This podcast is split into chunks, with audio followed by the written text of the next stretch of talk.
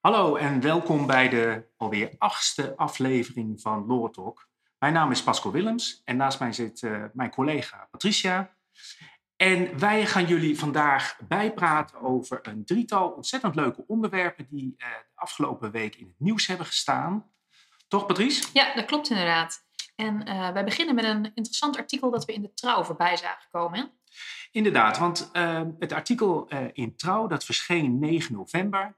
En dat is afkomstig van een aantal nou ja, wetenschappers van de Universiteit van Leiden, van de afdeling arbeidsrecht. Ik kan wel zeggen vooraanstaande juristen. Zeker. Die een nogal opmerkelijke, voor tenminste niet-juristen, artikel hebben geplaatst met als kop, en ik lees hem even op. Werknemer verplichten tot coronatest lijkt juridisch gezien geen bezwaar. Nou ja, en dat is opvallend, omdat we, als we de andere media lezen, uh, het vragen naar vaccinatiestata's en, en alles wat met corona te maken heeft, dat dat allemaal niet zou kunnen.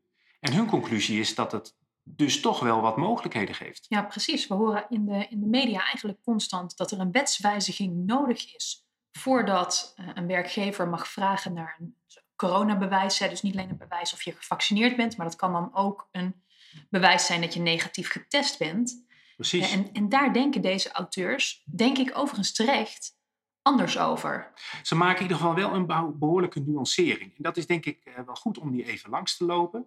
Uh, ze beginnen met uh, aan te geven dat als je gaat vragen naar nou ja, zeg maar vaccinatie of een, een, negatieve test, dat je het dan hebt over de grondrechten van de medewerker. En dat je daar dus aan gaat zitten. Uh, en dat dat in principe dus niet toegestaan is, maar dat Hoge Raad al in wat oudere jurisprudentie al heeft aangegeven dat onder omstandigheden dat dat dus wel kan. Precies, dus het is wel even belangrijk om die nuancering goed voor ogen te hebben. Het is dus niet zo dat een werkgever te alle tijden uh, mag vragen naar een coronabewijs, hè, ofwel vaccinatie of een negatieve test. Dat, is dus, dat hangt echt heel erg af van de specifieke omstandigheden van het geval. En Precies. dat blijkt ook wel uit die oude jurisprudentie. Precies. Het enige wat zij zeggen is dat er niet per se een nieuwe wetswijziging in alle situaties noodzakelijk is. Maar dat op basis van de huidige wet er wel iets meer mogelijk is dan het standaard nee, wat je toch wel in de normale media hoort. Precies. En ze verwijzen eigenlijk naar uh, twee of misschien drie uitspraken van de Hoge Raad. Uh, die wij kennen onder de naam van het, uh, het Hyatt-arrest 1 en 2. Al Ja. het oudere jurisprudentie Ja. Over het testen op cocaïnegebruik door nou ja, medewerkers van het Hyatt-hotel op Aruba. Ja. Ehm, en daarnaast eh, de zogenaamde loodtest-uitspraak van eh, een paar jaar geleden, nog niet zo heel erg lang, van een medewerker eh, die als brandwacht werd gestuurd naar BP in Amsterdam. En bij aankomst daar eh, werd getest op lood in zijn bloed, dus die moest bloed afstaan. Ja, ja. Ehm, dat weigerde, omdat hij zei van ja, daar wist ik helemaal niks vanaf. En eh, is deze werkplek wel veilig?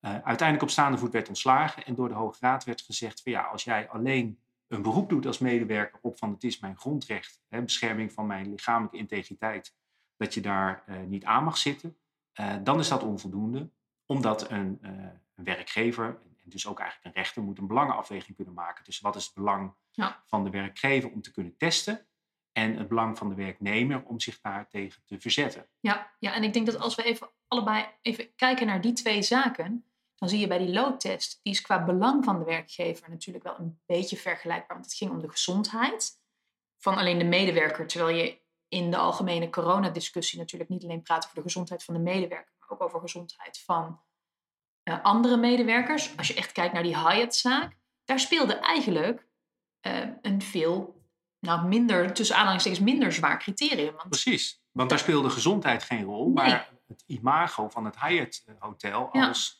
vanwege hun zero tolerance policy als het ging om eh, alcohol en drugs. ja, Hè, eh, het, schijnt, ik ben er nog nooit geweest op Aruba, maar het schijnt dat daar behoorlijk wat eh, cocaïne wordt gebruikt. En om zeg maar het imago uit te stralen dat het Hyatt een, een locatie is waar geen alcohol en drugs in ieder geval onder het personeel en zo wordt genuttigd, hadden ze die testen. En uiteindelijk werd dat door de Hoge Raad, het ontslag op staande voet, dat daarop gebaseerd wordt, ja, werd wel toegestaan. Precies, en dus, dus daar wordt die belangenafweging gemaakt. En in dat kader werd toen al beslist dat het belang van de werkgever prevaleerde boven het belang van de werknemer. En dat de werkgever dat ook niet op een minder ingrijpende maat, hè, met een minder ingrijpende maatregel had kunnen testen. Precies, en dat halen dus de schrijvers van dit artikel ook aan. Die, die zeggen, ja, die belangenafweging die is natuurlijk wel voor belang. En ehm, nou ja, de, de, de rechtspraak geeft dus al ruimte om daar ook, als het gaat om coronatesten, uh, vaccinatiebewijzen, onder bepaalde omstandigheden, om daar dus uh, gebruik van uh, te maken. En een van de tussenkoppen die ze gebruiken is, en ik lees het ook even voor, geen testvragen van personeel in ziekenhuizen lijkt onhoudbaar. En daarmee zetten ze eigenlijk al het debat een klein beetje op scherp dat je voor bepaalde branches, zoals een ziekenhuis, dat onder omstandigheden een werkgever daar wel degelijk mag vragen om een test- of vaccinatiebewijs. Tegelijkertijd nuanceren ze het nog wel een beetje natuurlijk. En zeker in het hele coronadebat, eh, waar de gevoeligheden soms al hoog oplopen, is dat niet helemaal onverstandig. Maar ik denk dat ze wel een bijdrage hebben geleverd aan, aan het hele debat. Vanuit, moet ik ook nog eens keer zeggen, de arbeidsrechtkant. Hè, want je kan ook nog eens een keer vanuit de privacykant er misschien op een andere manier tegenaan kijken. Um, maar ze leveren daar wel een goede bijdrage in, in die discussie die momenteel gaande is. Ja, zeker. Dus het is heel erg interessant om te zien. Uh, ik heb overigens ook de, de commentaar onder dat artikel gelezen. En ja, die zijn van dezelfde maat als het hele coronadebat. Namelijk, het gaat van links naar rechts en van scherp tot uh, genuanceerd. Um, maar het is in ieder geval wel een interessant iets om in de gaten te houden. Omdat, uh, nou ja, laten we eerlijk zijn, het zijn niet de eerste de beste die deze uitspraken doen. En ehm, dat kan wel een bijdrage leveren voor dat, uh, voor dat hele debat.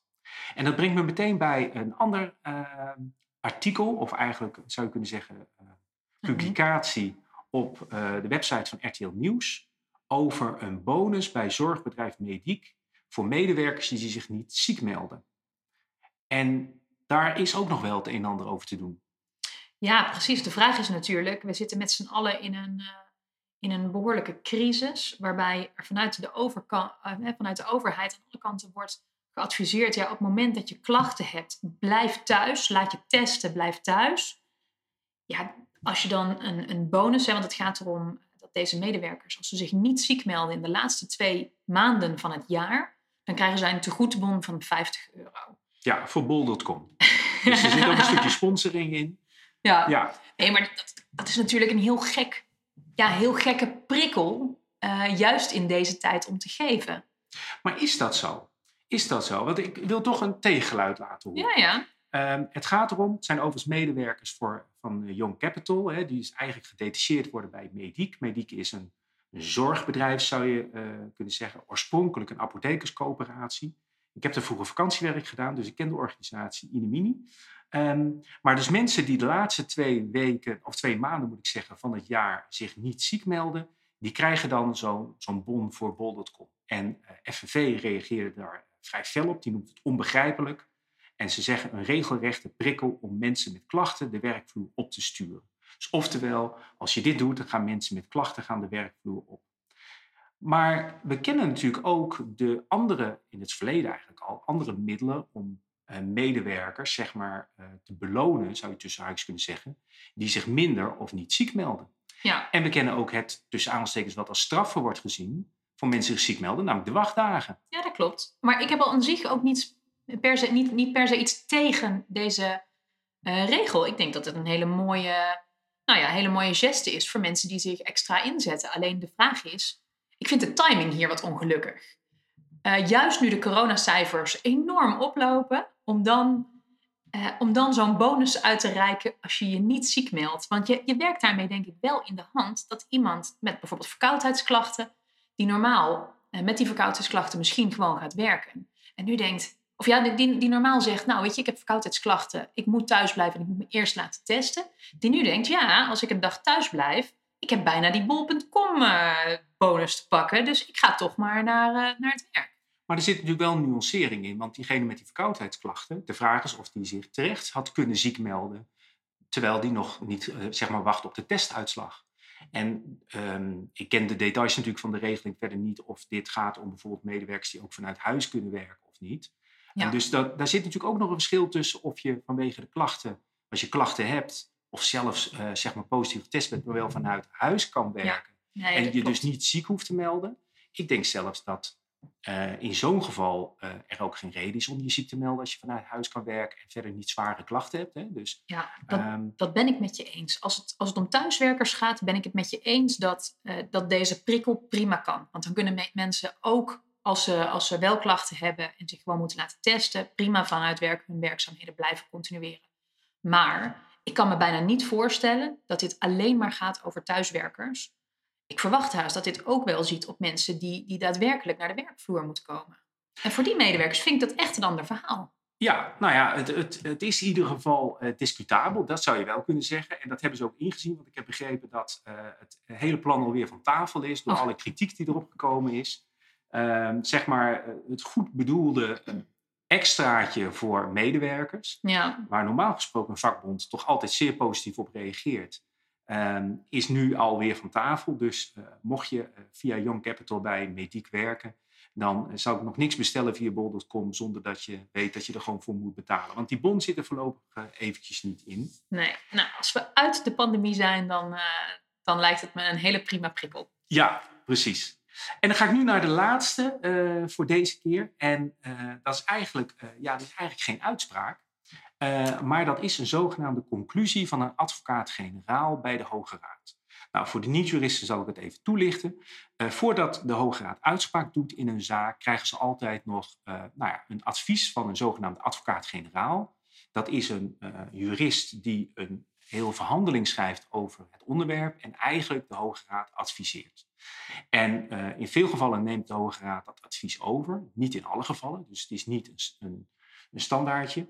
Nee, het is niet ehm, per se dat, dat als de AG A zegt, dat de Hoge Raad altijd A doet. De Hoge Raad neemt het advies mee, maar maakt vervolgens wel zijn eigen afweging, en beoordeling. Ja, en uh, waar die, die, uh, die conclusies interessant voor zijn, is dat zo'n advocaat-generaal dan uitgebreid op het onderwerp ingaat en het vanuit alle kanten belicht. En ook in dit geval, waar ging het eigenlijk hier om? Het ging over de situatie waarbij een werkgever, ik geloof dat was een bouwbedrijf, Vanwege de coronacrisis ging het uh, wat slechter. Een standbouwer was het, hè? Een standbouwer, ja. En um, daar ging het wat slechter mee. Dus die uh, vroeg op een gegeven moment ontslag aan bij het UWV voor één medewerker, omdat dienst functie kwam te vervallen. En um, uiteindelijk heeft het UWV die ontslagaanvraag afgewezen. Nou, tot zover eigenlijk zou je kunnen zeggen niks bijzonders, dat gebeurt vaker. Maar wat gebeurde er? Uh, twee weken na de afwijzing meldde de medewerker zich ziek. Ja. Vervolgens ging de werkgever wel bij de kantonrechter in, ja, je zou het kunnen noemen beroep, maar daar komen we zo nog even op of het echt een beroep is. Bij de kantonrechter een beroep om te zeggen van kantonrechter bij het UWV is het afgewezen, eh, maar ik wil graag dat u alsnog ontbindt. Hè? De kantonrechter kan alleen ontbinden. Ja. En vervolgens ging het over de vraag van ja, maar op het moment dat het verzoekschrift is ingediend bij de kantonrechter, was de medewerker ziek. Over die ziekte bestond geen twijfel, uh, begrijp ik. Um, dus de medewerker beriep zich op het opzegverbod. Waarbij de werkgever zei, ja maar hoor eens even, we zijn eigenlijk deze hele ontslagprocedure, zou je kunnen zeggen, begonnen bij het UWV. Toen was de betrokkenen nog niet ziek. Ja. Um, de kantonrechtersprocedure is een verlengstuk van die UWV-procedure. En dus geldt in dit geval het opzegverbod uh, vanwege de ziekte ook niet. Ja, belangrijk om daar denk ik nog wel aan toe te voegen is dat het bij het UWV wel zo werkt. Hè? Bij het UWV hebben ze echt de regel um, op het moment dat jij indient, uh, of dat je je ontslagaanvraag indient en de medewerker is niet ziek, dan maakt het niet uit of de werknemer zich daarna alsnog ziek meldt. Want dan geldt het uh, ontslagverbod tijdens ziekte niet. Precies. En dat speelde hier wel een rol, want hier uh, was de betrokkenen bij het indienen bij het UWV nog niet ziek. Dat viel pas daarna. En eigenlijk zei de werkgever, ja, dan moet je die twee procedures, die zitten in mekaars verlengde. Ja. Um, en moet je dat eigenlijk doortrekken. Dus ben je bij het UWV nog niet ziek, dan maakt het daarna niet meer uit wat er eigenlijk daarna gebeurt. Nee. Nee, um, eigenlijk kun je dan, zegt de werkgever, het ontslagverbod niet meer tegengeworpen krijgen. Want dan hebben we die hoorde al genomen. Wij hebben namelijk het ontslag al ingezet voordat jij ziek werd. Precies.